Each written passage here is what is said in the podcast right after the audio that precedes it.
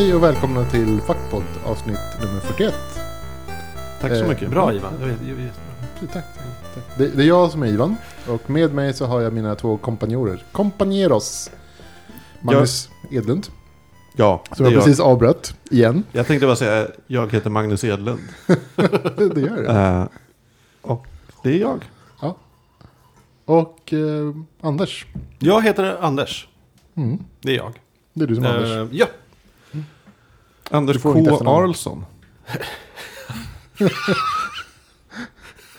Så jävla roligt. Mm. Hörni, vad, vad, vad, vad är det här för nytt avsnitt egentligen? Är det något speciellt avsnitt eller är det bara ett vanligt avsnitt? Det är vårt första andra årsavsnitt. Ja, är, är det, byter vi säsong nu? Nu är vi inne på säsong två.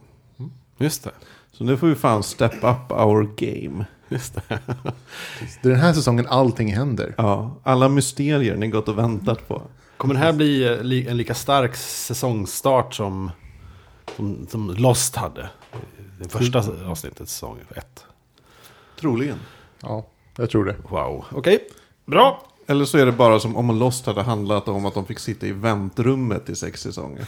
på flygplatsen. Ja. Spännande. Bara, "Ha, det här planet blir också inställt. Ja, nej men det, vad fan, vad har ni gjort på sistone?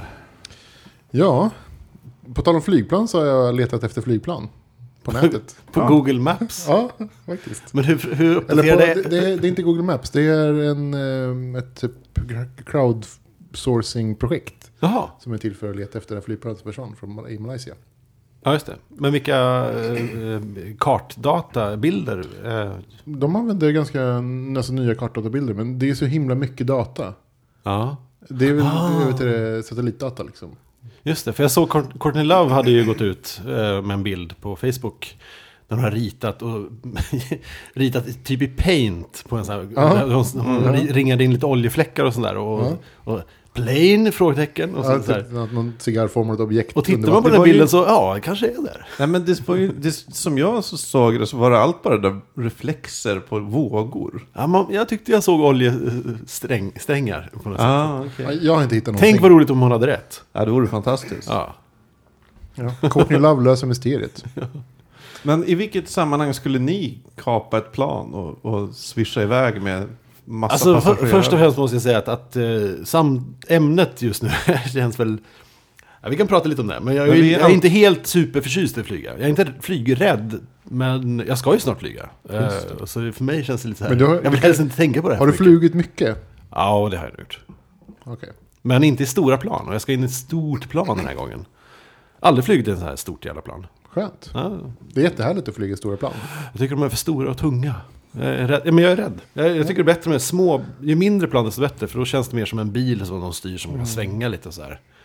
Ja, det är ju en enorm metalltunna som sprängs fram genom luften. Ja, Men nog om det då. Vi, Nej, vi du skiter har- i planen. ja fast hittar du någonting? Nej, jag hittar ingenting. Nej. Eller alltså, nej. Det är, nej, alltså, allting ser likadant ut tycker jag. jag. Jag ser ingen skillnad. Jag, jag, tittade på Courtney Loves bild och jag tyckte att det såg precis ut som allting annat. Okej. Så bara, jag har sett tusen sådana här bilder. Det är ett ganska stort område vi pratar om. Så. Ja, jo. Ja, jorden är stor. Så till och med ett litet område av jorden är stort. ja visst. Ja. Fan vad klok jag är. Annars, eh, jag kollar vidare på True Detective avsnitt eh, tre just nu. Kämpa på! Ja, ett avsnitt i veckan. Det går sakta. Det går sakta. Men vi har ju sett klart det, du och jag. Ja just det. Men då ska vi inte spoila någonting förstås. Nej. Det finns ju inte så mycket mer att säga som inte redan sagts Nej. sen ja, de senaste 14 dagarna. Eller Nej, och jag, det, vi ska inte bli de som sitter och pratar True, True Detective kanske. Nej, det känns, det är liksom nästan... Vi kan prata True Detective om efter sommaren. Ja, kan vi göra. ja. När, Men hypen har lagt sig. att prata True Detective idag, det är ju lite som att starta en podd 2013. det, är så här, Men det, det ringer en klocka det där. Ja. Vem gör något sånt? det är så jävla Så typiskt oss. man precis. stockholmskt. Ja. Eh, vad mer har jag gjort? Jag har spelat ett nytt spel. Eh, väldigt roligt spel. Berätta. Som heter Papers, Please. Ja, det var min telefon. Jaha, shit, jag tror det var någon Fanfar. festlig långtradare utanför. Det lät lite som Robin Hood. Nej, eh, Ja, men berätta om ditt spel. ja, eh, Papers, Please heter det. Nu är det så här, jag sa, vi pratade om det här förut, vem man litar på på internet. Och jag har ju stort förtroende för Jag känner till det här spelet, insåg Ja. jag just nu. Ja, vad kul. Jag har inte spelat Eh, det, men... Okej. Eh, jag, jag litar väldigt mycket på han, eh, vet du, Zero Punctuation och hans... eh, Mhm. Ja, så han hade en topp bästa lista då på 2013s topp bästa spel och han tyckte att det här var helt klart en av de bästa spelen som släpptes 2013. Okej. Och jag, jag kan pitcha idén för att se vad ni tycker. Det, det Mm. handlar om man spelar en passkontrollant i en öststat. Och så granskar man folks ID-handlingar.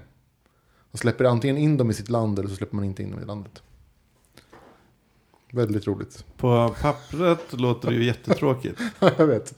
Det är så himla roligt. Så spelet, spelidén är ju typ en, man har tagit den tråkigaste idén man kan komma på känns det som.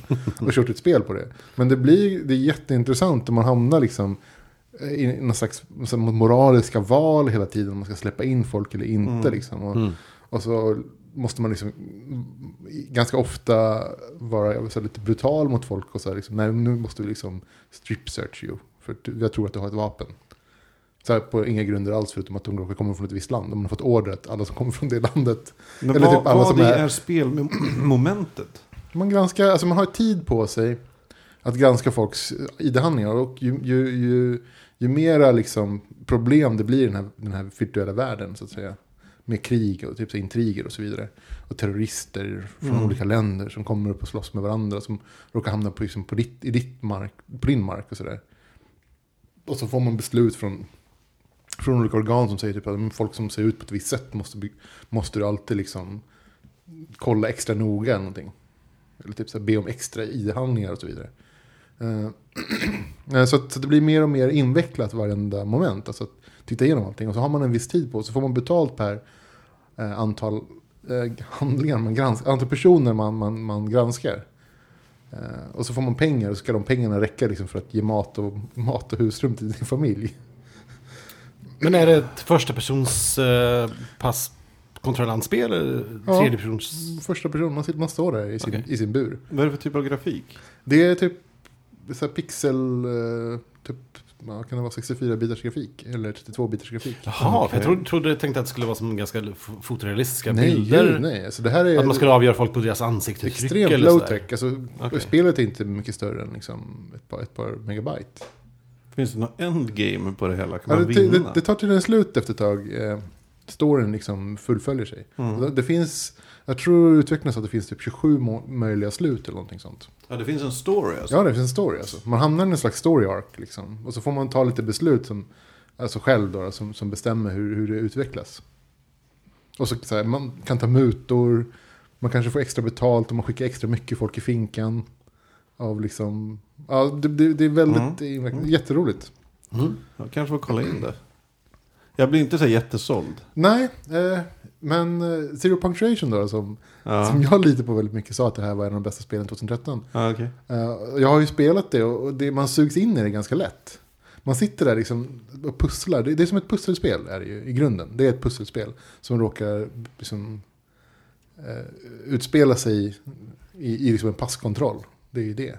Men det gäller ju så här, ja, men den här personen ska titta på hans handlingar så måste liksom ålder stämma överens, höjd på liksom hur långa de är, eh, man eller kvinna, vart de kommer ifrån, vart pa- passen utfärdas, eh, att alla stämplarna ser rätt ut. Och, liksom, och att alla extra ID-handlingar ifall de ska jobba, typ att arbetsvisum och så vidare, allt, att allting stämmer överens. Mm. Ja, jag förstår.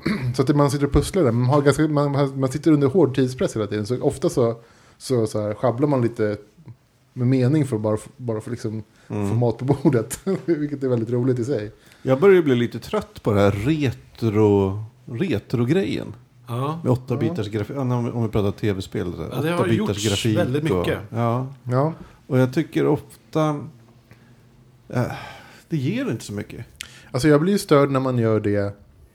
Alltså man har ett jätte, jätte liksom avancerad motor för spelet. Ja. Och så gör man det för att det ska se snyggt ut, det ska se retro ut. Mm. Mm.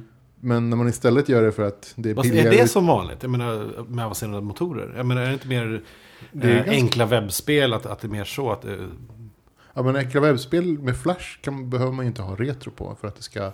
Nej. Alltså det, då kan man ju göra vad man vill. Ja. Utan det, det, jag tyckte att det var, i det här fallet så var, var det mer att det var billigare att utveckla. Liksom. Ja, det kan man ju förstå på något sätt. Men För det är ju ett indiespel som någon har liksom knoppat själv.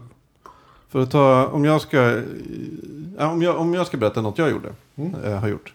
Så är det, jag började ägna mig lite åt rollspel igen. Ja. Så köpte jag ett, ett svenskt eh, rollspelsäventyr som heter Ormgudens dal. Som heter rollspelet, som, ett rollspel som heter Fantasy. Eh, och det är ett medvet, rollspelet i sig är så här, ja men det är som ska kännas som rollspel var förr. Liksom. Men det här äventyret är även layoutat och illustrerat som det var på 70-talet. Mm. Alltså det är väldigt fult. och det är, och det är inte så här en charmig retrokänsla utan det är bara... Okej, det, Det är inte meningen egentligen. Att, Jo, det är meningen att det ska se ut. Okej. Men de har tagit även de dåliga grejerna. Och, och haft med. Så det, det ser verkligen ut som ett gammalt, eh, en gammal äventyrs, äventyrsbok. Eh, Men varför, jag förstår att man gör retrogrejer för att få rätt feeling och sådär. Men varför ta med det dåliga? Liksom att det är så här layoutat kast och det ser Nej, det är förjävliga illustrationer. Och, Ja. och det är så medvetet att det ska vara så. ja, det kanske man inte ska göra.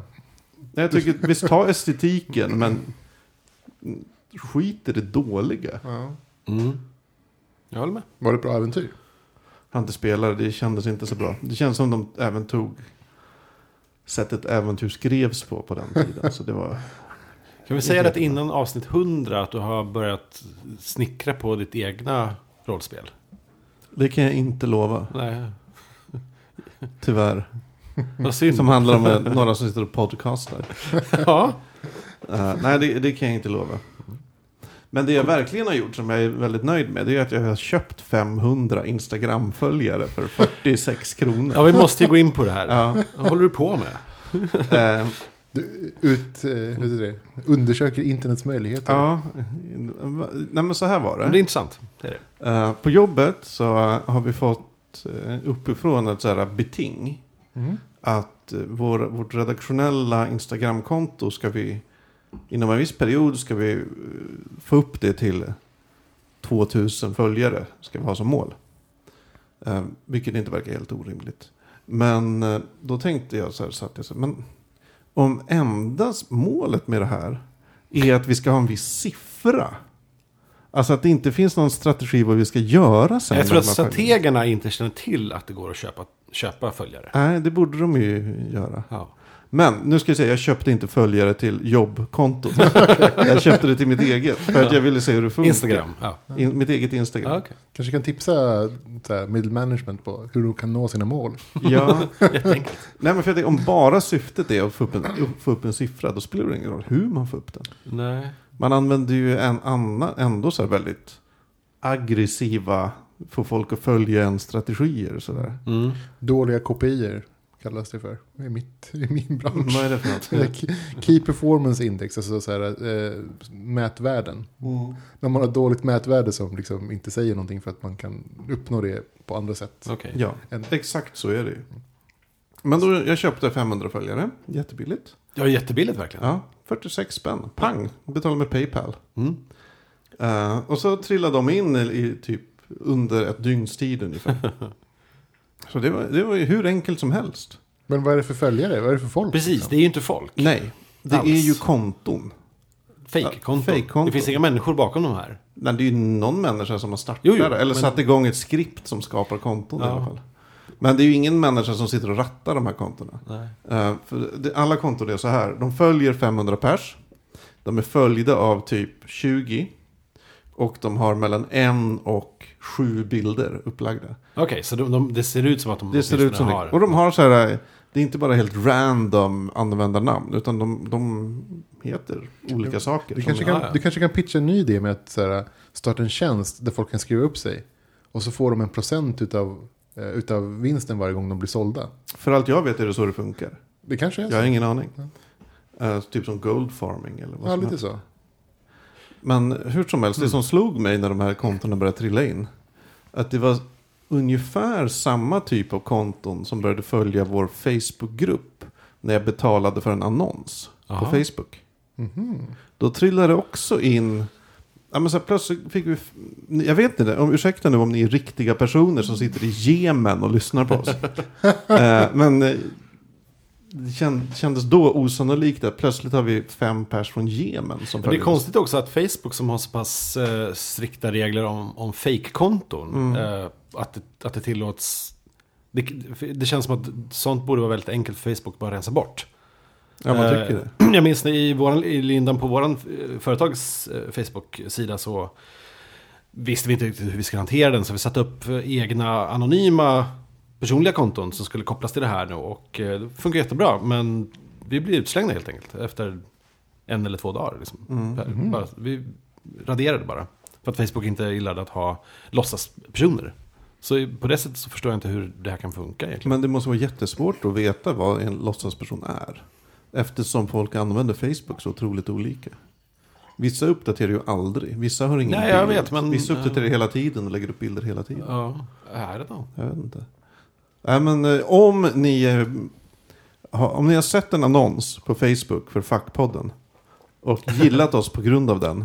Vänligen skriv något i, på vår. Facebook-sida. Mm. Jag skulle jättegärna vilja, Speciellt, om det kommer från Jemen. speciellt Jemen, eller det var även lite Syrien och sådär. Ja, det såg jag också. Okej. Ja. Mm. Så ehm, skriv gärna så vi vet att ni är riktiga människor.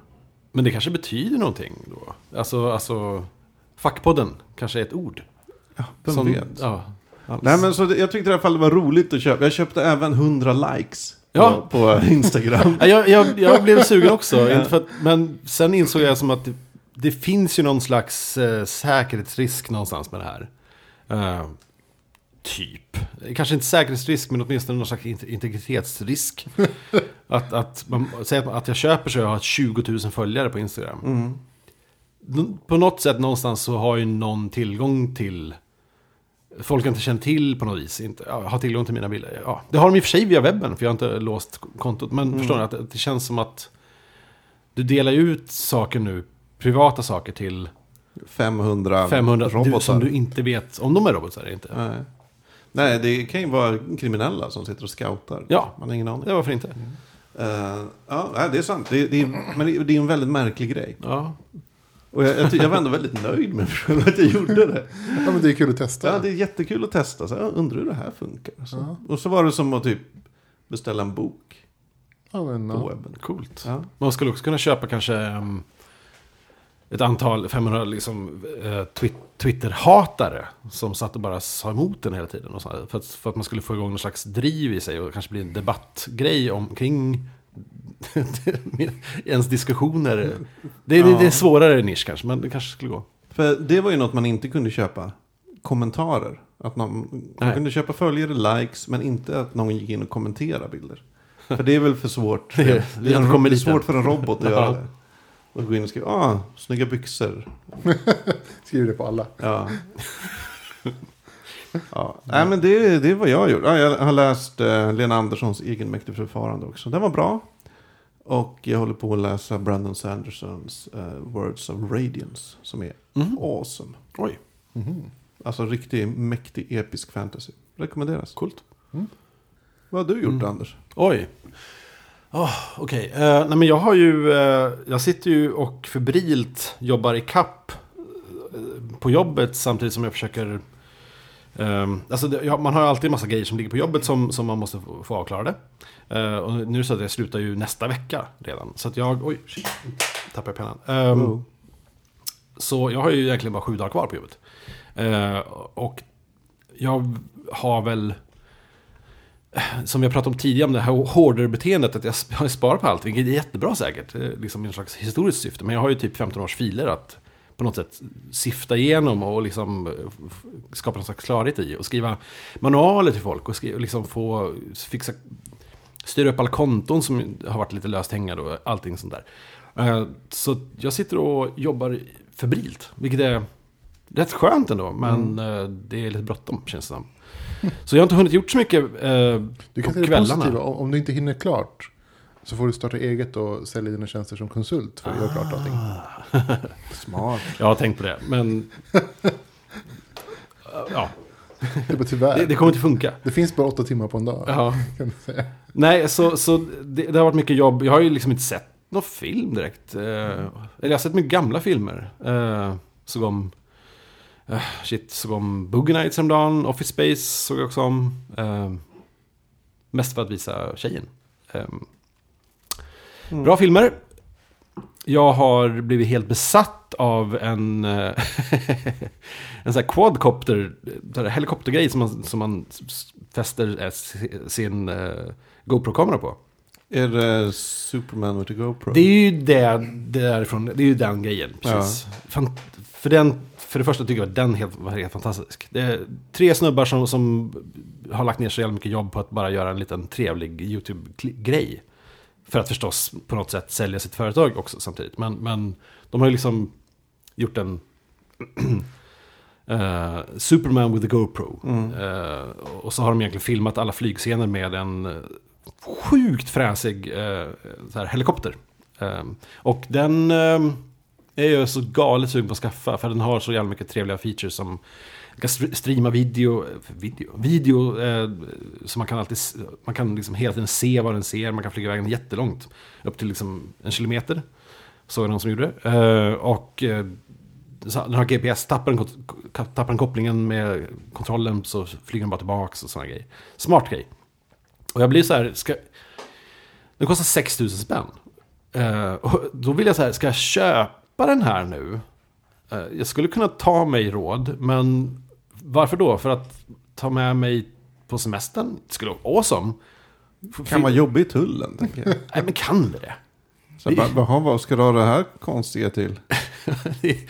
Och så är de det är så här, det inte så är här olika... 87 år gamla? De vet, det är en helikopter. Ja, nej, men, och, så, och så är det ju kanske så här, ja nej, den, Jag har inte med den i- frekvensen den här jobbar på får vi inte ha i det här landet. Ja, så. okej. Ja, det kan ju vara ja, i och för sig ett problem. Plus att den är lite stor att ta med sig.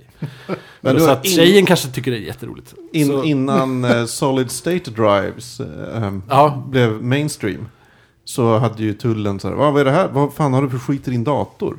Det här är ingen hårddisk. Nej. jo, det är en hårddisk. Äh, det här måste vi bryta upp. Shit. Det ser ut som sprängmedel. Ja, men gud. De måste ju se till att hålla sig ganska jour om teknik. Det Liksom. gör de ju tydligen inte. Eh, nej. nej, så att, eh, det skulle vara awesome att ha med sig en sån här till, uh, eftersom vi tänkte åka till Thailand en sväng. Mm. Eftersom jag och tjejen aldrig varit där. Eh, samtidigt så har, kommer den ta upp halva resväskan, så att, jag vet inte. Men fan vad jag vill ha Det kanske finns att köpa billigt. Men jag blir så här obsessed och sitter och bara dreglar och, och har så här pirr i kroppen. Och, att vara kär i en pryl nästan, som man inte har så ofta. Du Anders, Ja. du får inte köpa grejer innan du fyller din Jag, 40-årsfest. nej, jag vet, men det här kostar... Nej, jag vet. Du får inte köpa innan du fyller 40. 6 000 spänn, jag tror jag Du vet får inte köpa innan du fyller 40. Nej, jag vet. Det är ef- efter 40-årsfesten Ja. då, då är det okej. Men då åker jag ju direkt nästan dagarna på. Så att det, ja, Men då är det lugnt. ja, för sig. Det kanske fin- du kanske får åka förbi Det Singapore. finns ju inte i, i Sverige. Men i alla fall, så, så den har jag obsessat över. Jag har... Um, fan vad jag gjort? Jo, jag, jag, jag, jag testade att spela det här Geometry, Geometry Dash. Som säkert inte är ett nytt eh, spel, men jag fick en länk av en kompis. Mm. Som eh, tyckte att, att, att det här var den nya grejen du måste spela. Eh, det är ett väldigt enkelt eh, mobilspel. Man, ska liksom, man är en fyrkant och man, ska, man tappar på skärmen så, så hoppar den över hinder och så här. Och det, det testar mig verkligen. Jag blir helt... Jag blir helt... Jag, aldrig, jag blir aldrig så... I, I ett vanligt spel när man spelar och dör, ja, då, då blir man sig inte så mycket. Då börjar man spela om eller någonting. Men det här, det, det, det är en så fullkomlig explosion av koncentration när man spelar. Att, att man, den mm, negativa förlösningen när man dör gör att, att jag, jag blir så förbannad när jag... Jag, jag har aldrig varit blivit så förbannad på ett spel någonsin. Och jag är inte speciellt bra på det heller. Så det, det har jag lagt ner lite tid på att försöka spela. Vad tycker ni om den här sajten io9.com förresten? Mm, Oj, jag visste inte att man skulle tycka någonting om den. Nej, jag tror jag, jag, jag tror jag, att- gillar den jättemycket. Men jag- jag, kanske har fel nu. jag tycker att de länkar lite så här uh, vitt spridda saker. Det, det, jag brukar titta på saker. Alltså, de har ju ofta typ så här uh, topp 10 utav det här. Eller typ så här, posta det här, vad ni tycker om det här ämnet. Mm. Och så tar de ett ämne, typ så här, uh, den, den bästa Okej. skurkserien. Eller det är typ, ja, Är det lite list... Okej, för jag, jag, det är inte så att jag hänger på sidan. Jag, jag klickar mer och läser artiklar som folk har länkat till på Facebook. Mm, så, jag, typ. jag brukar så tycka... jag kanske bara ser fragment av den. Eh, jag, så jag kanske missar någon slags helhet nu. Jag blir orolig. Ja, nej, som, eller vad skulle du säga Ivan? Jag tycker att i, i nio fall av tio när jag läser en artikel så är artikeln mindre intressant än kommentarerna. Ja. Ja, det är väldigt kunniga kommentarer oftast. Superbra kommentarsfält. Alltså Ja. det är typ en av de bästa kommentarsfält jag har sett. Ja, och den, det är inte alls det här hatet som nej, brukar finnas. nej, utan det är bara typ kunniga människor som skriver om saker. Ja. Och Mm. sätter liksom saker i kontext på ett mycket bättre sätt än artikeln. Ja, jag håller med. Det jag inte gillar med IO9 det är att de ofta har så här... Eh, fem bästa eh, eh, porn parody superhjältefilmerna. Alltså de Jaha. har väldigt mycket grejer som bara är en ursäkt för att visa, för att visa halvnakna tjejer. Mm. Eller så här... eh, Tio sci-fi eh, aktriser du inte visste hade vi, vikt ut sig. Alltså på den nivån kan de vara ibland. Och det känns lite tröttsamt. Ja, vad heter det där? här, klick, eh, Clickbait. clickbaits. Eller linkbait. Är det kanske en stor grej av deras... Vad Det det tror jag. de jobbar? De Ja, har okej. väl en jävla... Men jag, jag, Det är tänker mig... en Gawker-sajt. Ja, okej. Så jag gissar att de har en jävla... Vet vad de ska använda för ord. Mm. Så att säga. Ja, Men jag kan tänka mig att alltså, det jag tänker ofta på när jag läser det. Det är att liksom alla andra sajter, speciellt här i Sverige. Skulle kunna lära sig på hur man liksom hanterar ett kommentarsfält. Mm. Mm. För att titta på Ionines kommentarsfält, det är liksom... Ja, det står det ska vara. Oklart hur de har fått till det. Jag har ingen aning. Men de modererar jättehårt eller vad de gör. Oklart. Nej, men i alla fall, här i veckan så la de upp en artikel som heter 20 crucial terms every 21st century futurist should know. Just det. Eh, Alltså 20 termer som vad alla som är intresserade av framtiden bör känna till. Jag eh, har bara skummat pyttelite. Jag Mm. hann inte. Hann inte. Eh, men det, ämnet, det här känns skitviktigt. Ja, alltså, det är väl någon sorts trendspaning kan man säga inför Ja, de närmsta 50 åren. Ja, något sånt där. verkligen. Men jag tänkte att vi betar av de här Ja, termerna. jättegärna. Det, det, är väldigt, det är ganska intressanta koncept. Mm. Så. Mm. Ehm, Så du säger ordet? jag säger ordet och försöker sammanfatta det Ja, lite. skitbra. Så- ja. Ehm, det första heter covalence. Och det är motsatsen till surveillance. Och jag tror tanken är att eh, okej, myndigheter och saker spionerar på oss. Men i framtiden kommer det också vara en grej att, att medborgare spionerar tillbaka. Att det kommer finnas så mycket teknologi som gör att man kan ja, men, typ, ja, ha ha väldigt bra koll på vad myndighetspersoner gör. Ja.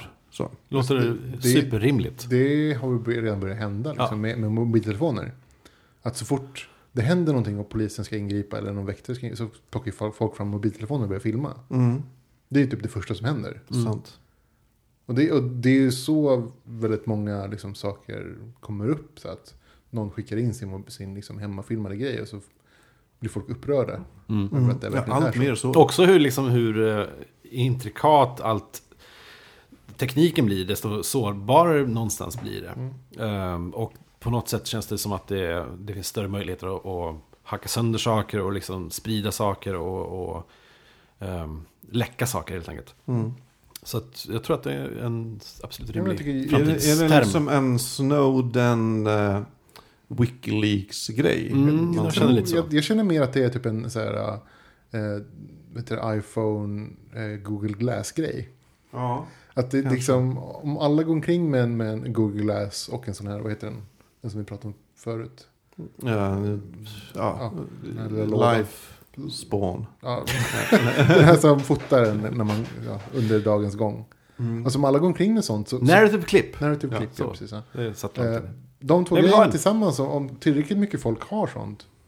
Liksom, och då kommer ju alla de här tillfällena som man annars bara berättar om verkligen komma upp liksom, och, och bli så himla mera verk, så mycket, verk, så mycket mer Mm. verkliga. Liksom. Mm. Ja, det kommer bli mycket lättare att bevisa myndighetsövergrepp och grejer. Ja. Ja, men o- om eh, Lisbeth Salander hade haft ett narrative clip på sig i, när de blir våldtagen av sin förmyndare. Ja. Ja. Ska bli Det, fler filmer? det är tusen sådana grejer. Eller, Ja. att man, eller att, liksom, att man numera kan, kan ställa in så att iPhonen spelar in alla samtal Mm. jämt. Kan man det? Ja, det kan man göra. Man vill. Ja. Berättade jag när att jag hade råkat spela in alla samtal under ett och ett halvt år? ja, du berättade. Jag gjorde det Ja. i podden tror jag. Okej, okej. På min gamla telefon. Ja, jag, när det gäller det här, jag tänker direkt på det vi i min bransch kallar för medborgarjournalistik. Som är jättevanligt, eller som börjar bli allt vanligare. Att eh, man förlitar sig på att allmänheten tar bilder när saker händer.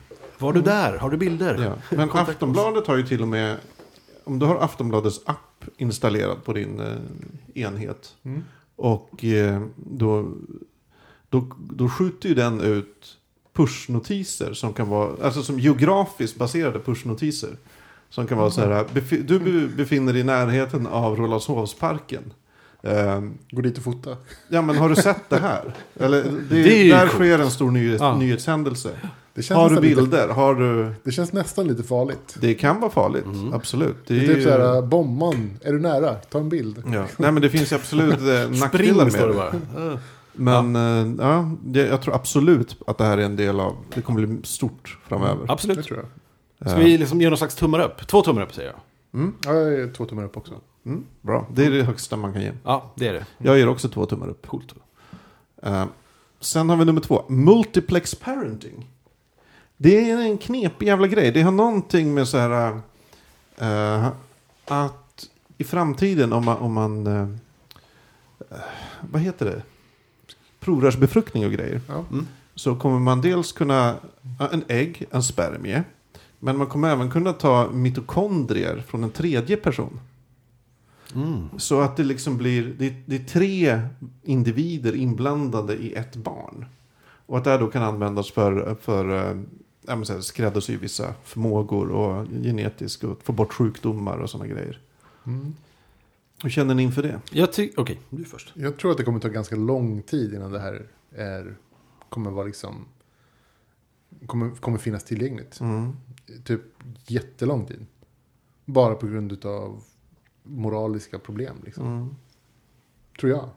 Och juridiska. Ja, jag håller med. Och eh, bakåtsträvande människor också. Alltså, Eh, jag, jag, är ju oftast väldigt mycket för all, all form av eh, genetiskt experimenterande. Jag tycker det är lite, det, det, det, är coola, det är mer coolt än vad det är dåligt på, på slags etiskt sätt. Så jag är alltid för det. Men, men det känns så, så pass komplicerat att det, det är... alltså, jag, jag tänker ja. mig att minst en generation, men troligtvis två. Mm. Vet- Men du hur ställer du inför det rent principiellt? Jag har egentligen ingenting emot det. Alltså så, här, om, om, om tanken är att man ska få hälsosammare personer, Mm. alltså att man kan undvika vissa typer av ärftliga sjukdomar, vilket var det som stod i, i artikeln. Mm. Så varför inte? Absolut. Det, det finns ju ingen nackdel för, för den nya individen. Nej, det gör det ju inte. Nej, och, och det är väl där, på något sätt, det är väl den personen som kommer få leva med det här resten av livet. Men hur skulle Alla- du känna om... alla- om Alla andra personer har väl ingenting med den individen att göra. Den, om den individen är, är liksom frisk och lycklig, är inte det som är viktigt. Liksom. mm. Ja. Mm.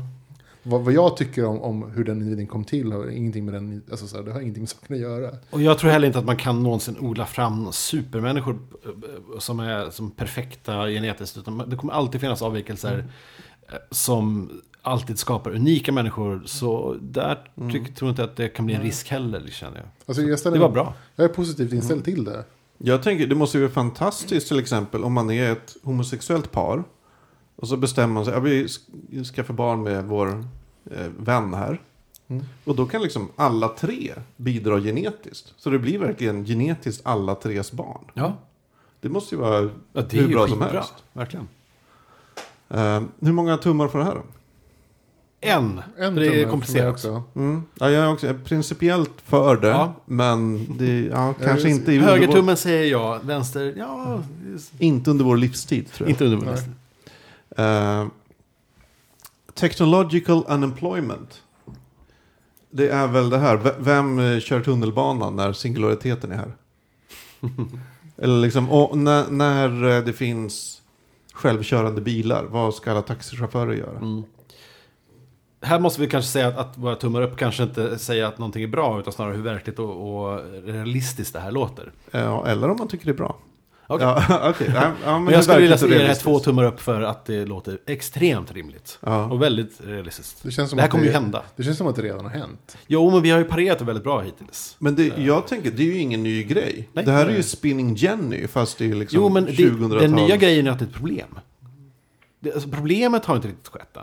Det är inte så att, att visst, vi har lite, lite högre arbetslöshet idag men, men, eh, mot vad vi hade förr. Men Mm. det är inte som att det är inte 50% som är arbetslösa. Eh, För att robotar har tagit över Ja, de, hade ju, de arbetsuppgifterna. hade ju kopplat det här med typ eh, minimilön. Typ att minimilön även när man, är, när man inte har ett jobb. Medborgarlön. Medborgarlön. Det stod det i artikeln. Mm.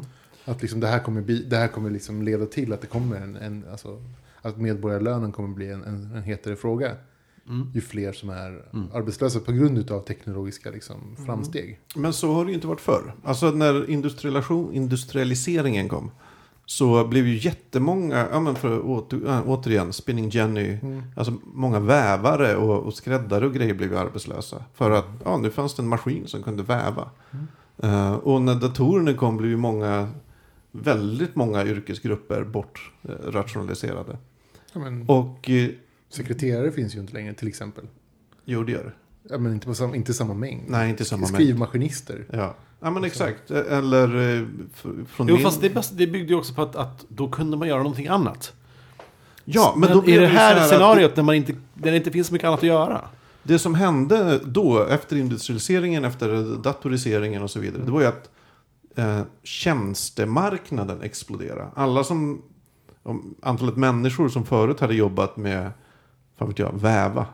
Plötsligt började de jobba med, ja men sådär, alltså inte produktiva jobb. så Alltså, det, det är en intressant diskussion det här med att vad, gör, vad händer när... Alltså vem, vem tar del av vinsterna på att man gör det här? det är ju företagen. Ja, och det, det, det blir ju kanske inte liksom... All, alltså det är den här utopin i framtiden på att liksom alla går omkring glada och robotar sköter allt. Men det, det är ju inte så om man inte har medborgarlönen så att säga. Mm. Det kommer aldrig bli den utopin eller den framtiden. Nej, det kommer bara leda till att vissa aktieägare blir svinrika och att jättemånga går arbetslösa. Precis, och så Mm. sköter roboten allting. Det är där det gick fel i de senaste gångerna. Alltså den... ist- Istället för att det skulle vara så, ge bättre livskvalitet åt människor nu när det fanns robotar som kunde göra mycket arbete. Då blev ju folk bara... Nej, men det är Då var de tvungna att tvinga in dem i andra jobb och så. Här. men det är ju så här som Och det är nu. Så här, om vi skulle typ ta från och med typ så här, i, imorgon Mm. så sköter robotar allt. Mm. Vad skulle det, vad, vad skulle det liksom innebära för, för dig? Ja, du skulle bli arbetslös och så skulle du inte kunna uppehålla liksom din livsstil. Nej. Mm. Nej, om jag inte fick lön. Nej, Och vilket i fick- teorin skulle jag ju kunna få samma lön. Ja. För de skulle ju vinstmaximera något enormt med de här Ja, robotarna. ja. Okej, men hur många tummar får eh, technological Ja, två unemployment? för mig. För att jag, jag tror det här är- kommer bli ett superproblem. Mm. Jag tror en än så länge. Alltså, jag, jag, jag ser att det kommer hända men det kommer gå ganska sakta. Mm. Tror Liksom slutta in. Mm. Ehm, och sen har vi en komplicerad grej som heter Substrate Autonomous Person.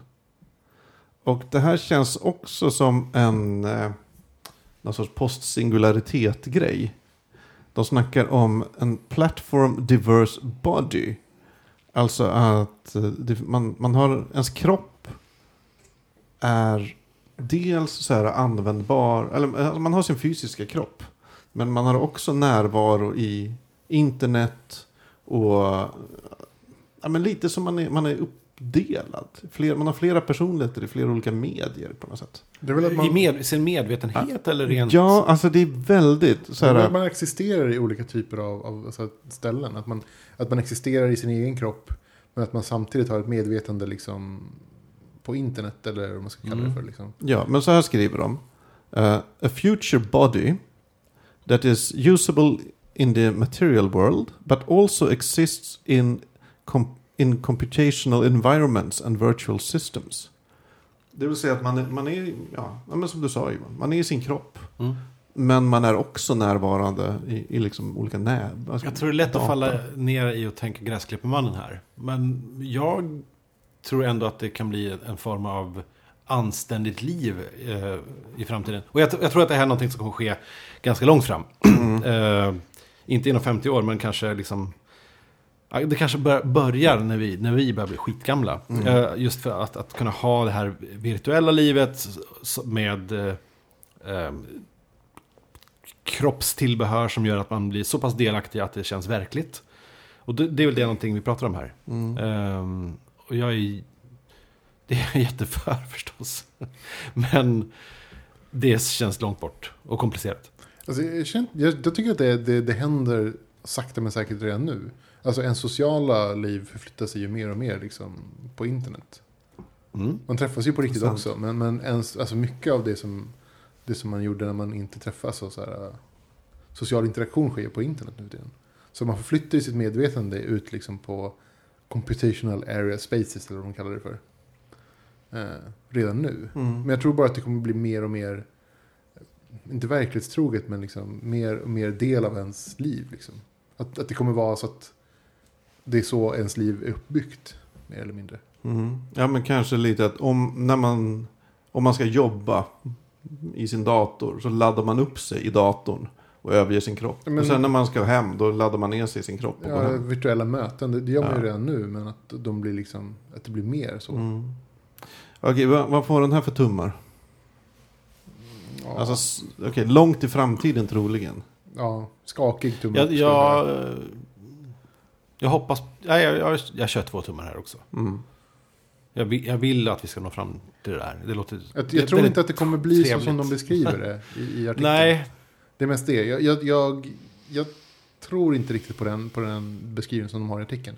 Jag tror att idén som de, som de har kommer nog kanske liksom infria sig. Men inte så som de har tänkt sig i du artikeln. kommer aldrig ha ett medvetande på i den virtuella världen. Eh, Du kommer alltid veta om att jag är i en virtuell värld Mm. eh, på det sättet. Alltså jag tror att singulariteten är 2000-talets vers- version av eh, vi ska kolonisera solsystemet. Alltså en sci-fi-trop som har slagit rot och känns verklig och möjlig. Mm. Men som troligen aldrig kommer hända. Eh, tänker jag. Mm. Okej, eh, vi fortsätter. Intelligence explosion. Intelligensexplosion. Eh, det är också li lite, lite knepigt att förstå. Men vad var, vad var the gist? Så som jag uppfattade det var det väl att, att alltså, en singularitet var det här igen då. då. Eh, Ja. Att den intelligensen som den besitter, när den får förmågan att förbättra sig själv, så kommer den göra så pass snabbt att liksom, den intelligensexplosionen kommer vara bortom vår liksom, förmåga att förstå. Det gäller alltså inte oss människor, Nej. utan okej. Utan en AI. Ja, ja det känns... Det, ja, det, som jag fattar det är det just tanken på en AI. Mm, det är alltså, men alltså en AI som förbättrar sig själv. Ja. Att när, man, när, man, när den får förmågan att, att, liksom förbättra, att se, potenti- att se eh, liksom hur den kan förbättra sig själv. Mm. Och så gör den den om och om och om igen fast jätte, jätte, jättesnabbt. Så kommer dess intelligens att gå förbi oss liksom så himla snabbt. Och då blir här, och då, då är det inte den här liksom matematiska intelligensen utan typ så här, den, alltså en, en total intelligens. Mm. Att det blir typ en bättre människa än vad vi är. Och kan liksom hålla diskussioner mycket bättre och kommer över, kunna övertyga alla människor liksom på alla möjliga sätt. Mm. Fast människans intelligens är ju egentligen bara matematisk och eh, på en subatom, eller inte subatom, men det är, det är på molekylär nivå. Jo, fast, Av, fast eh, ofta, kemiska- ofta när man, när man liksom, när man... Och just därför så tror jag att, att det är fullt möjligt. Ja. Jo, Jag tänker, alltså, tropen kring liksom, AI är alltid typ så här, en ganska så här robotröst som bara typ så här, i- typ, Ja. du måste göra som vi säger för att vi Mm. är så himla smarta. Och då tar man liksom ingen hänsyn till att, att alltså en, en, en extrem intelligens kommer även kunna ta, ta liksom de sociala bitarna också. Jag kommer förstå hur andra folk, mäns- människor tänker. Ja. Mm. Jag tänker ju så här, ja, det här kommer nog hända om det är möjligt. Alltså om det är möjligt i vår verklighet att det kan hända. Mm. För vi vet ju inte, vad, man vet ju fortfarande inte vad är det som gör intelligens. Nej. Ja, det, det är svårt att veta liksom hur en, hur en AI skulle kunna förbättra sig själv förutom att skaffa mer information. Mm. Alltså hur den liksom... Ja, skaffa större minne liksom. Nej, men Ja. pratar vi bara om liksom compu- computational power och liksom hur mycket eh, minne och så vidare eh, datorer har. Hur snabbt de kan räkna. Ja, och och hur, det, hur, det, hur den utvecklingen ser ut idag. Så då känns det inte som ett stort problem. Men det är snarare som att... ja, men kom, kommer den här utvecklingen leda till Nej, att vi, en vi, dator vi vet blir- ju inte om, Ja, om men den är kom- oändlig. Nej, det, det är så här, kom- kommer en, en AI eh, ha den förmågan att uppfinna saker? Mm. Och visst, om den har det, kommer den då uppfinna saker tillräckligt bra? Kommer de uppfinningar vara bättre än det som finns? Alltså kom, kommer den kunna fortsätta den här utvecklingen? Mm. Den stora barriären är ju det fysiska förstås. För att en AI kan, vi lever ju så väldigt mycket i den fysiska världen som en AI inte gör. Mm. Den barriären är ju snarare det stora problemet. När AI ska då be- befinna sig i någon slags fysisk... Ja, vi har pratat om det förut, men, men det... Ja. Ja, Jag, jag vet inte, jag, jag tyckte att det var... Alltså idén är ju, är ju sund. Mm. Men jag vet inte om, om den är byggd på en trop som inte funkar. Ge mig tummar. Ja, ja, Ja, alltså jag ja, om, om det händer så, så händer det. Men det är inte så troligt. jag, vill, tycker jag, vill, jag, jag vill gärna se det här i mitt liv, så två tummar upp. Ändå. Jag ska försöka vara sparsmakad med tummarna i ja, jag tror inte jag kommer ge så mycket tummar på det här. Jag tror inte på det riktigt. Inte tillräckligt för att ge en neråt-tumme. Nej. Ja, kan man göra det också? Ja, det kan man. Ja, nej, okej. Nej, jag, Eller, jo, jag, jag, jag ger den fan en neråt-tumme. Ja. Jag tror inte på det. Jag tror inte att det, att det kommer vara möjligt. Jag ger det en tumme Men upp för pratar vi jag om saker som ska, hur de möjliga? Ja, men det, man får tolka det hur Ja, man vill.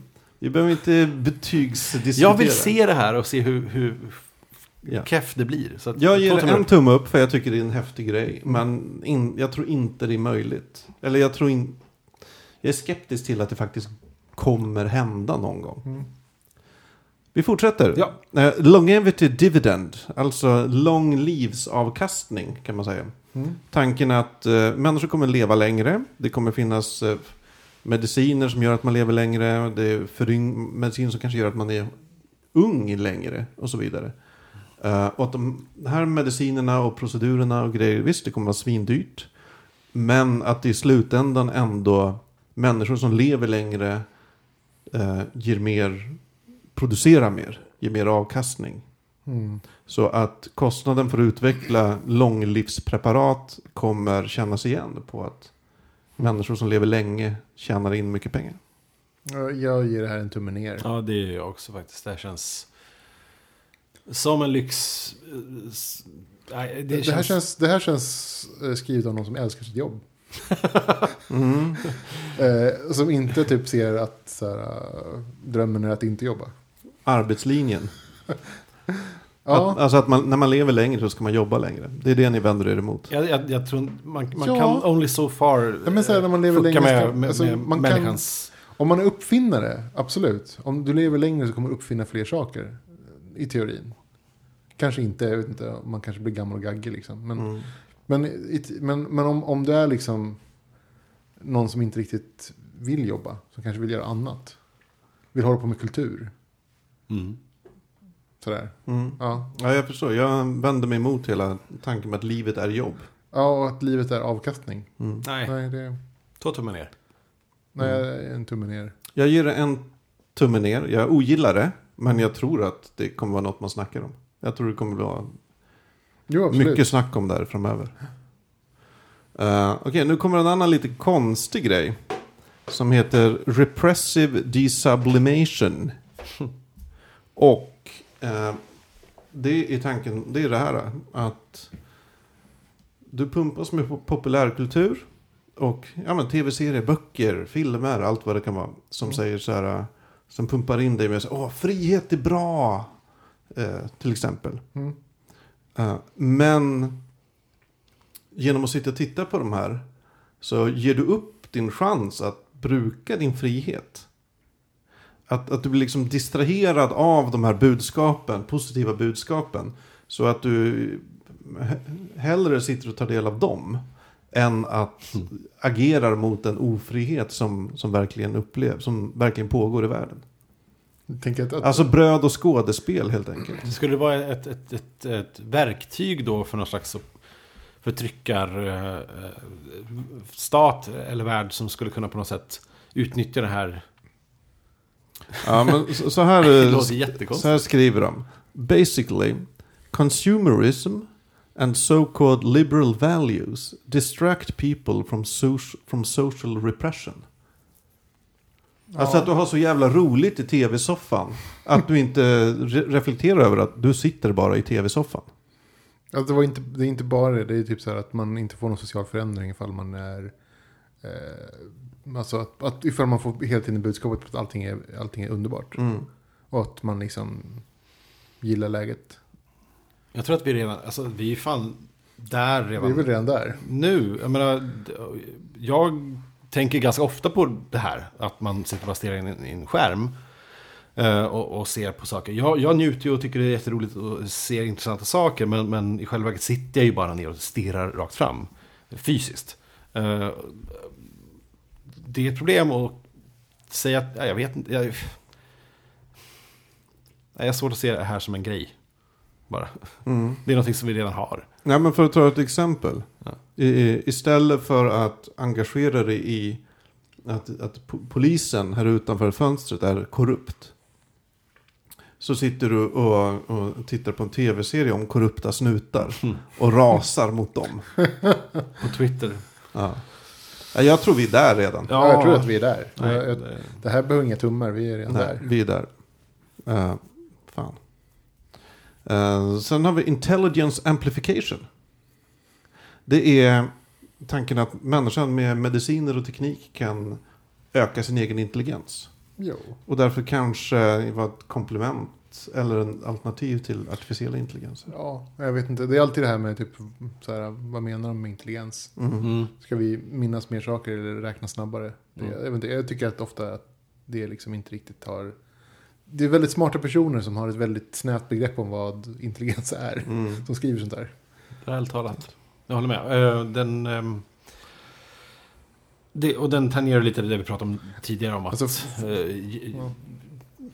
skapa bättre... Alltså liv. det, det här, Mm. jag, tror, jag tror inte det finns ett, ett piller, ett medel eller en, en amplifikation som gör att jag har ett bättre förmåga att, eh, att liksom inreda mitt hem.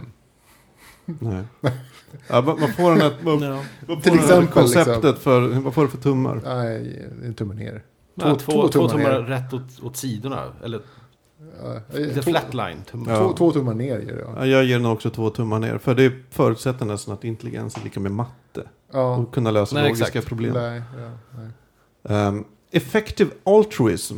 Alltså en effektiviserad välgörenhet. Eller altruism. Eh, alltså tanken att man måste, om man ska ge till välgörenhet. Så måste man ge sina pengar till den mest effektiva välgörenheten som det är möjligt. Alltså är det mest effektivt att ge 10 kronor till en tiggare? Eller är det mer effektivt att ge 10 kronor till en specifik organisation som vill hjälpa tiggare? Nej, det här kommer aldrig hända. Det, det, människan är bara dum och känslomässig och. Eller ologisk ibland. Alltså, nej. Vi, vi, vi, vi, lägger ner timmar på att oja oss över saker som händer i vår närhet men, och bryr oss inte ett dugg om, Kanske, om folk som... kanske om 30 år, men jag tror... Det beror på lite grann hur så här politiska läget ser ut om 30 år. Ja. Alltså det här med altruism är ett väldigt amerikanskt eh, sätt att se på det. Alltså hur man hjälper med, med människor. Att, att du som person är ansvarig för att hjälpa dina medmänniskor. Alltså, eh, alltså Mm. att, att, att du inte ser det som att det är en samhäll, samhällsfunktion att man hjälper folk som har problem. Och att hjälpa människor är också Utan att det, en... att det är ditt personliga ansvar att hjälpa folk med problem. Eh, och därför ger du dina personliga pengar. Istället för att liksom försöka bygga ett samhälle som stöder människor som har problem. Det, det, Nej, men att hjälpa folk är ju en, en sak man gör i, i affekt och någonting man gör av, av ren känsla. Och det, det, det, det, det är så långt ifrån logiken. en, en väldigt amerikansk liberal syn på det. Jag, jag håller nog inte med. jag anar flera tummar ner. Flera, Ja. Två tummar ner. Mm, Vi Ja. går vidare. Eh, moral enhancement. Tanken att man med olika implanted devices eller eh, läkemedel för, förhöjer sin egen självkontroll, empati, rättvisetänkande, eh, liknande grejer. Jag tror att man kommer se det inom eh, vet du det, eh, kriminalvården först i så fall. Mm. Om det kommer. Eller ja, snarare moral lowering i, i äh, militäriska Jag tror, jag krigssituationer. tror, jag tror att det, det kan hända. Jag tror att det redan har till viss del redan hänt. Mm. Alltså typ eh, att man hjälper folk med problem via kemiska medel. Mm. Som så här, eh, alla dessa människor som hade ADHD, odiagnostiserad ADHD och blev kriminella som Mm. fick liksom ADHD-medicin och Mm. blev liksom vettiga medborgare. Det är ett sätt att se på det. Ja, absolut. Um, ja, det enda jag tänker är så här, om man är... Ja, jag vet inte. Det, Typ det känns a- väldigt antabus. kallokain eller Men sånt det där. känns lite antabus liksom. Det är, det, är Ja. väl, det är väl det det är. Ja, jag tror kanske vi är på väg dit, men jag, I, I don't like it. I don't know. Proactionary principle. Det här är ju en, eh, en eh, vetenskaplig i- term på något sätt. Det normalt, man, normalt pratar man om, om precautionary principle. Det vill säga, gör man experiment måste man ta hänsyn till hur kommer det att påverka eh, samhället och folk kommer det vara få negativa konsekvenser. Alltså, det är därför det finns etiska råd när det gäller forskning och så. Mm. Men eh, proactionary principle, det är låt folk forska på vad fan de vill. För, för förtjänsterna med den här vilda forskningen kommer väga upp eventuella eh, nackdelar. Eh, jag håller inte med om det här. Jag tror inte att det kommer hända. Nej, det, det tror inte jag heller. Jag Det- tror, det- jag vet det inte, kanske skulle vara bra det, på många det, finns, sätt. det finns så mycket oetisk forskning som i efterhand har blivit så o- oändligt bannad. Alltså, Mm. så här, det, det går inte. Det är inte en chans att vi släpper loss Men det finns också så mycket oetisk forskning som inte har gjorts, som kanske borde ha gjorts. Alltså det, är väldigt mycket, Alltså- det, det finns ju väldigt mycket oetisk forskning som ger ett resultat som man får använda f- än idag.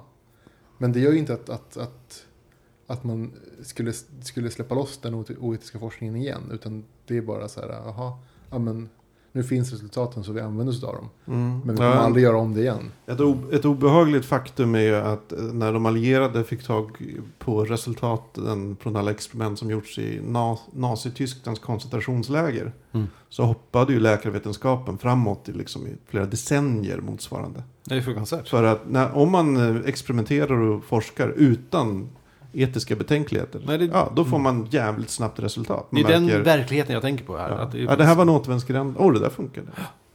Ja men tusen människor dog. Mm. Ja. Ja, Jag hoppas verkligen att det inte kommer bli så här. Ja, samma här. Jag tror inte att det kommer hända. Ja, Det krävs mycket. Men i och för sig, det hände för 80 år sedan. Mm. Ja. Eh, mules. Alltså det här är ett jävla konstigt term som jag känner att de har slängt in bara för att de ska ha 20. Mulåsnor. Eh, det är mulor. Och det ska alltså symbolisera eh, saker eller fenomen som är precis utanför det vi kan förstå och begripa. Jaha. Hade de, Jag förstår inte. eh, hade de något exempel? Eh, alltså något som fungerar på ett sätt som... Nej, de har inga exempel.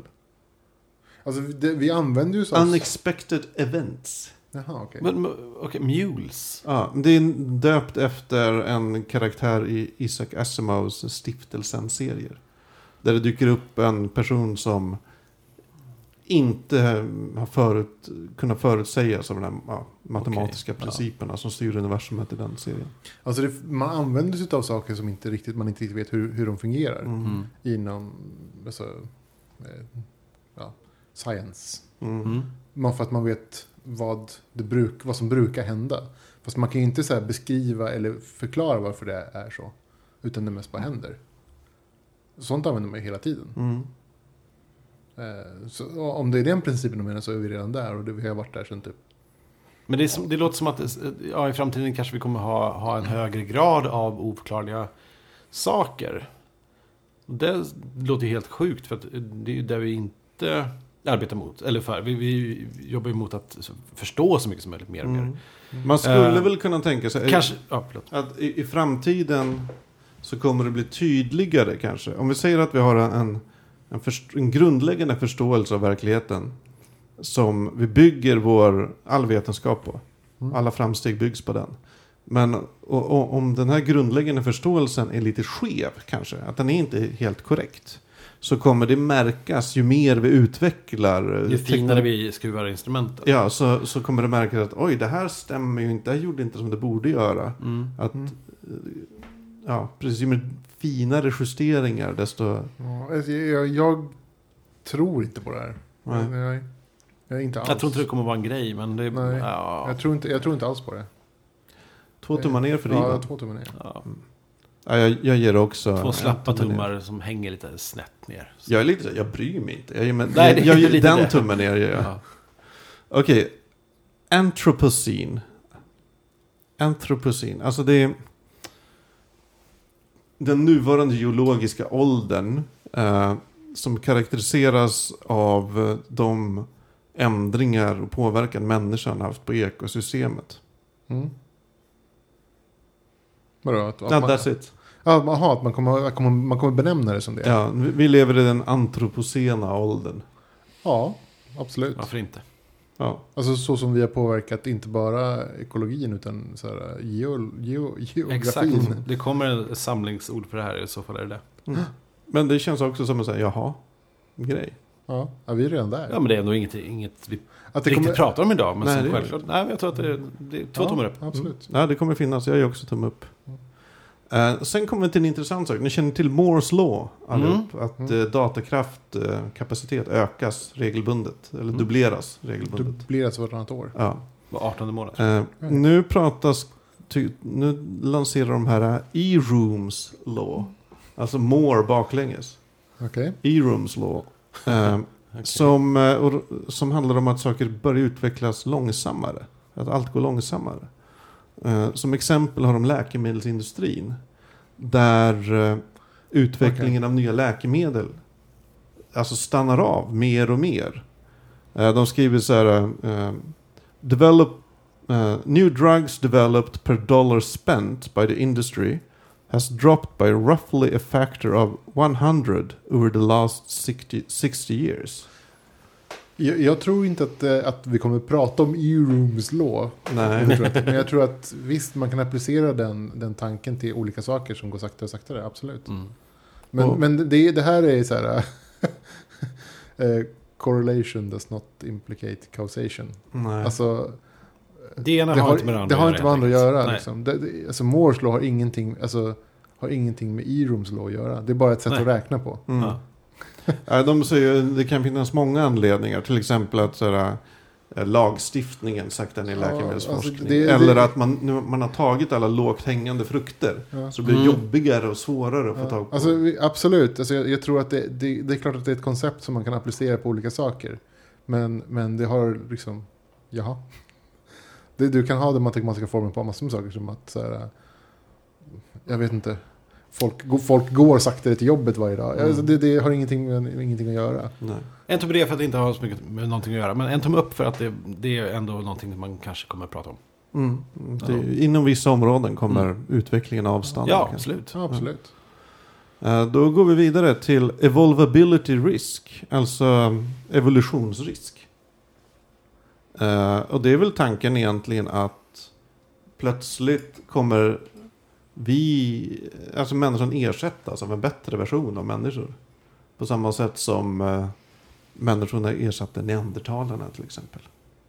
Men herregud. Ah, eller att, Ja, det är väl att, eh, Ja, okej. vi, börjar, vi börjar, barn som föds blir Homo sapiens superior. Liksom. Men så fort funkar det ju inte. Det Nej. är inte så att, man, att från dag till dag så... Men de pratar också här med in the course of a few thousand of years.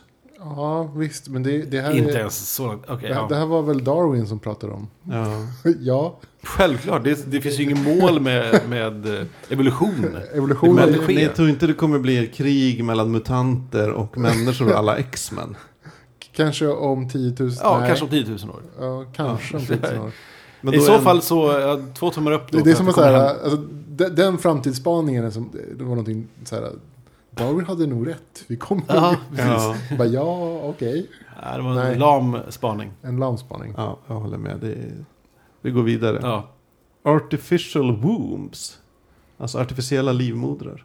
Eh, att det finns, eh, kommer finnas teknologi som gör att man kan, kan vara gravid utanför människokroppen. Ja, Ja, absolut. lätt. Mm.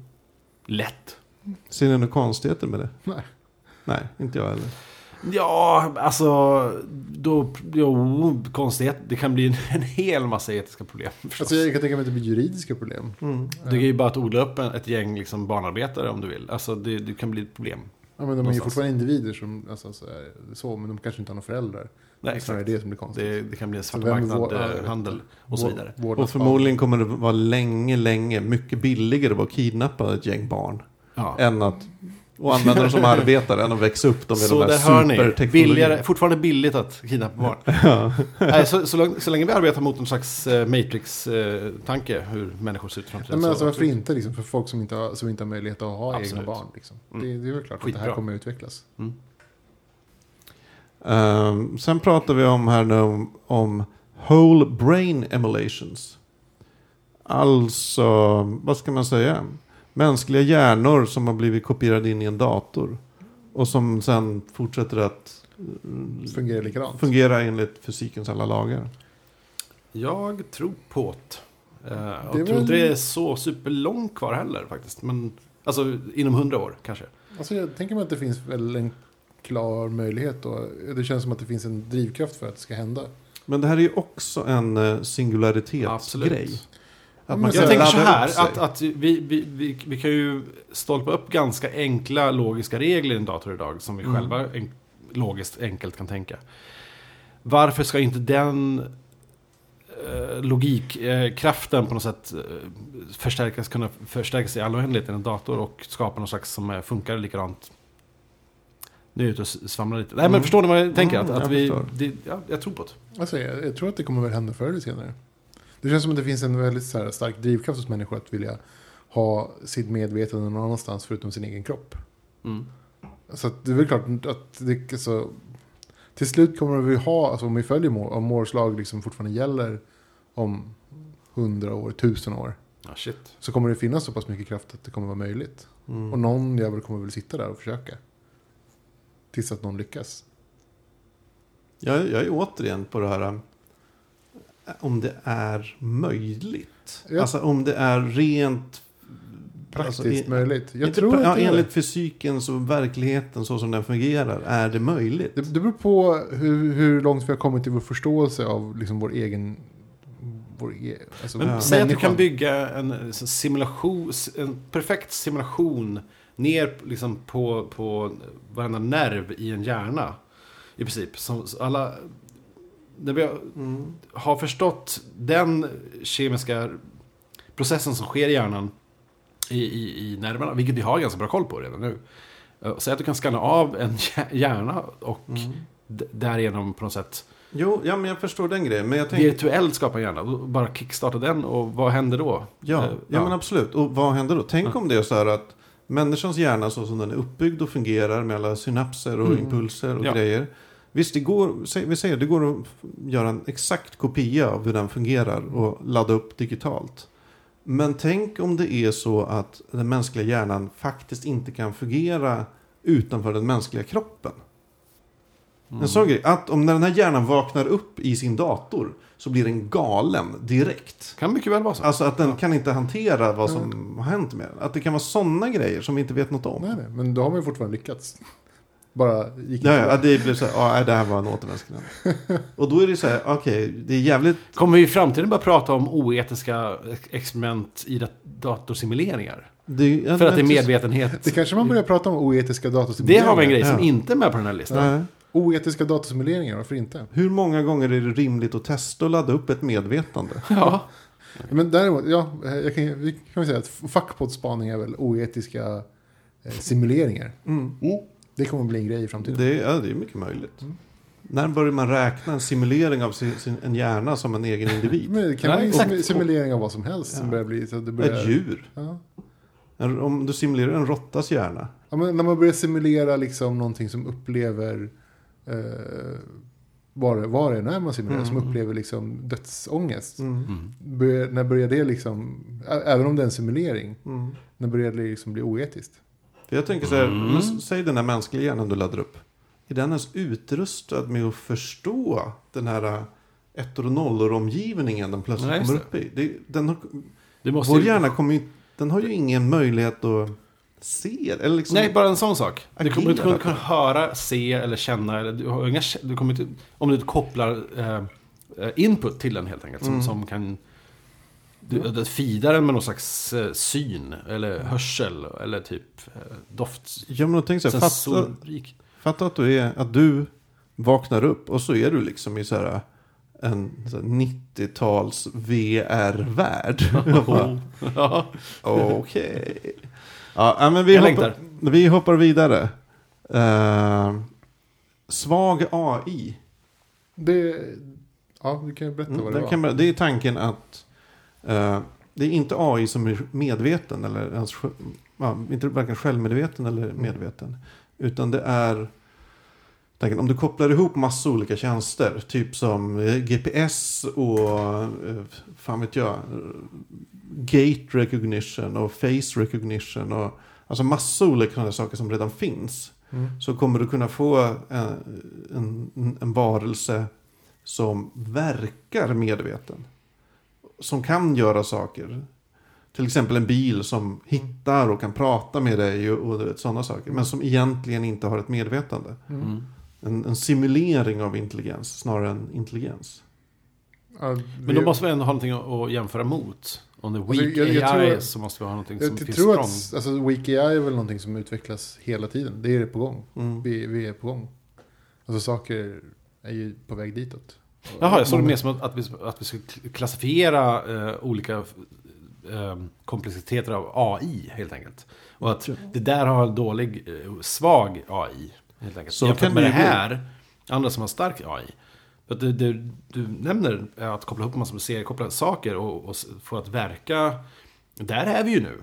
Så i så fall, vi, är, vi är i så fall på den nivån nu och i så fall, vi måste ha någonting att jämföra mot Mm. som är stark AI.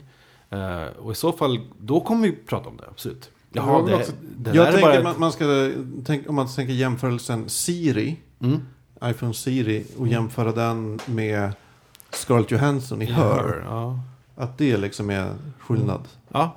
Men Siri har ju inget medvetande, Nej. eller ingenting. Nej. Det är ju bara en responser på stimuli, så att säga. Ja, just det. För Och. Scarletts eh, karaktär i Her, som jag inte har sett än, eh, har väl...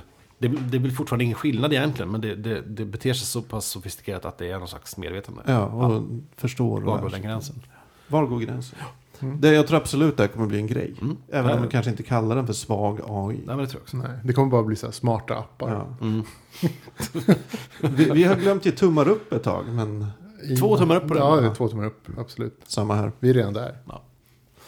Eh, nu pratar vi om neural coupling. Just ja. Alltså tanken att man kan koppla ihop två människohjärnor. Eh, Det var inte bara människohjärna, det var typ en hjärna och någonting annat. Ja, men eh, ja, för Alltså- exempel två människohjärnor. Så att man ehm, till exempel kan lä... Om jag kopplar ihop mig med någon som är lam med ena armen. Mm. Så kan det eventuellt hjälpa den personen att öppna upp nervbanor igen och så här för att Men de hade ju ett exempel där. På, de hade kopplat ihop en, hjärna, alltså en, en mänsklig hjärna med en råttas hjärna. Ja, Så att man kunde kunna styra råttans svans. Den Mm. personen som hade den här grejen på sig, Mm. eller, var, eller grejen i sig, jag vet inte hur det var. Då. Kunde Ja. styra råttans svans. mm. Så att vi, vi var ju redan där till viss del. Men jag tror nog att visst, det är väl ett nytt sätt att liksom interagera med datorer. Alltså Mm. en ny UI. men det känns ju... Ett nytt interface. Snacka om mind rape. Mm. Alltså det finns enormt oetiska sätt att använda det här på. Jo, ja. Ja, absolut. Men det är ändå någonting vi leker med idag, experimenterar med idag. Det finns ju spel, så här, spel som, som, som man kopplar upp sig med en liten hjärnsensor som man Mm. sitter och, och spelar mot varandra och så här grejer. Men att man ska kunna vi, styra. Det är någonting vi arbetar mot. Ja, alltså, alltså, ne, alltså neural interfacing. Mm. Ja. Det är väl någonting som, som är på gång. Så vi kommer väl komma dit. Som grabbarna i Tillbaka till framtiden 2 sa när de såg Marty spela det här Vilda Västern-spelet. You have to use your hands. Det var helt chockat att man behöver använda händerna. Ehm, ja, men vi säger att det är sannolikt då. Ja, men hur många tummar? Men jag är det nog två tummar upp. Ja, Ja, det tror jag ja. också. Ja, Okej, coolt. coolt. Eh, sista termen. Oj. Mm. Computational overhang. Jag hade lite svårt att fatta vad de menade egentligen med det. Men jag, jag tror de menar att när, när säg att vi får en AI Mm. som är jätteintelligent och kan beräkna hur mycket som helst. Mm. Så kommer det finnas enorma mängder processorkapacitet som inte kommer användas till något. Ja, för vi kommer inte hant- kunna hantera... Men det var, det var väl prat om att det redan är så. Att det Ja. finns väldigt mycket processorkraft som inte används. Mm. Att vi har en computational overhang, alltså ett, ett överskott utav, utav, Ah. utav datorkraft. Mm. Just det. Och att, den, att det överskottet kanske man borde göra någonting åt. Att det är liksom en, en förlorad resurs. Så att säga. Mm. Att man kanske borde använda sig av den här resursen. Till någonting. Till någonting. Till vad man nu vill. Vi har ju väldigt mycket devices och mobiler och sådana grejer. Vi har ju, prat, vi har ju pratat om det här. Liksom att det finns ju den här. Man kan installera appar som hjälper till. Och Just det. HTC motiv. släppte ganska nyligen en app som eh, hjälper till med sånt här. Att man låter sin mobil, medan man laddar den bara, eh, räkna lite på saker. Så att, och skicka upp lite data.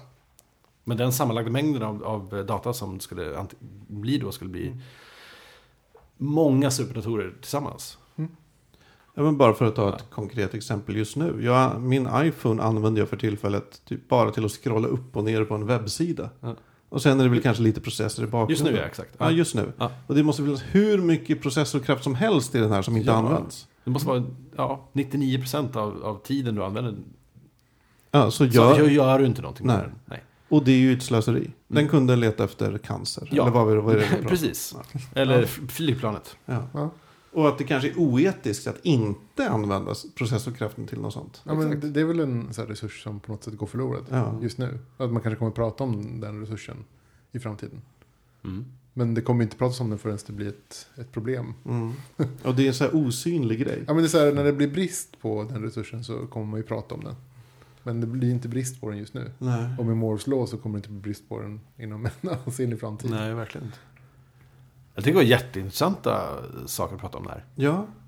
Och, men eh, om man ska se på det stora. Mm. Så tänker jag många saker hänger på att, att singulariteten är något som faktiskt kan inträffa. Ja, Och att det inte bryter ut någon världskrig och att, att all form av utveckling avstannar Ja. eller till och med försvinner eller dör. Mm. Eh, Men fortsätter vi som vi gör nu så, eh, fan, eventuellt. Mm. Mm. jag, ty- jag tyckte det var lite blandat, eh, blandade spaningar. Ja, man anar ju att vissa saker har de klämt in för att få upp det till ett jämnt 20. Ja. Och det, jag kände också att vissa saker kanske inte var liksom... Eh, de, har liksom... En bak, personerna som de har frågat har varit... Eh, eh, ja, från, ett, från en grupp människor. Mm. Det har inte varit ett brett... Liksom. Nej. Men också vissa självklara saker som det där med evolutionen. Att ja, Ja. den kommer nog fortsätta. Det kommer nog hända, ja, precis. Eh, el- Eller att ja, men den här eh, teknologiska arbetslösheten. Ja, det har redan hänt. Det Ja. händer nu.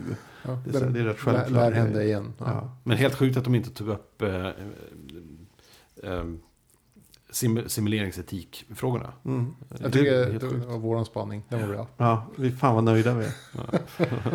Eh, Men vi måste nu avsluta nu mina vänner. Det gör vi. Ja. Tiden eh, har löpt ut. Mm. Väl mött nästa gång, nästa vecka. Ja, Ja. tack eh, för att du lyssnar på Fackpodd. Du kan nå oss på www.fackpodd.se eller på Facebook slash fackpodd. Eller på våran Twitter, at fackpodd. Eller på våran Google Plus, at fackpoddsensei. Oh yeah. Och jag, Magnus Edlund, säger adjö. Och jag, Anders Karlsson, säger hej svejs. Och jag, Ivan Brendiva, säger godnatt.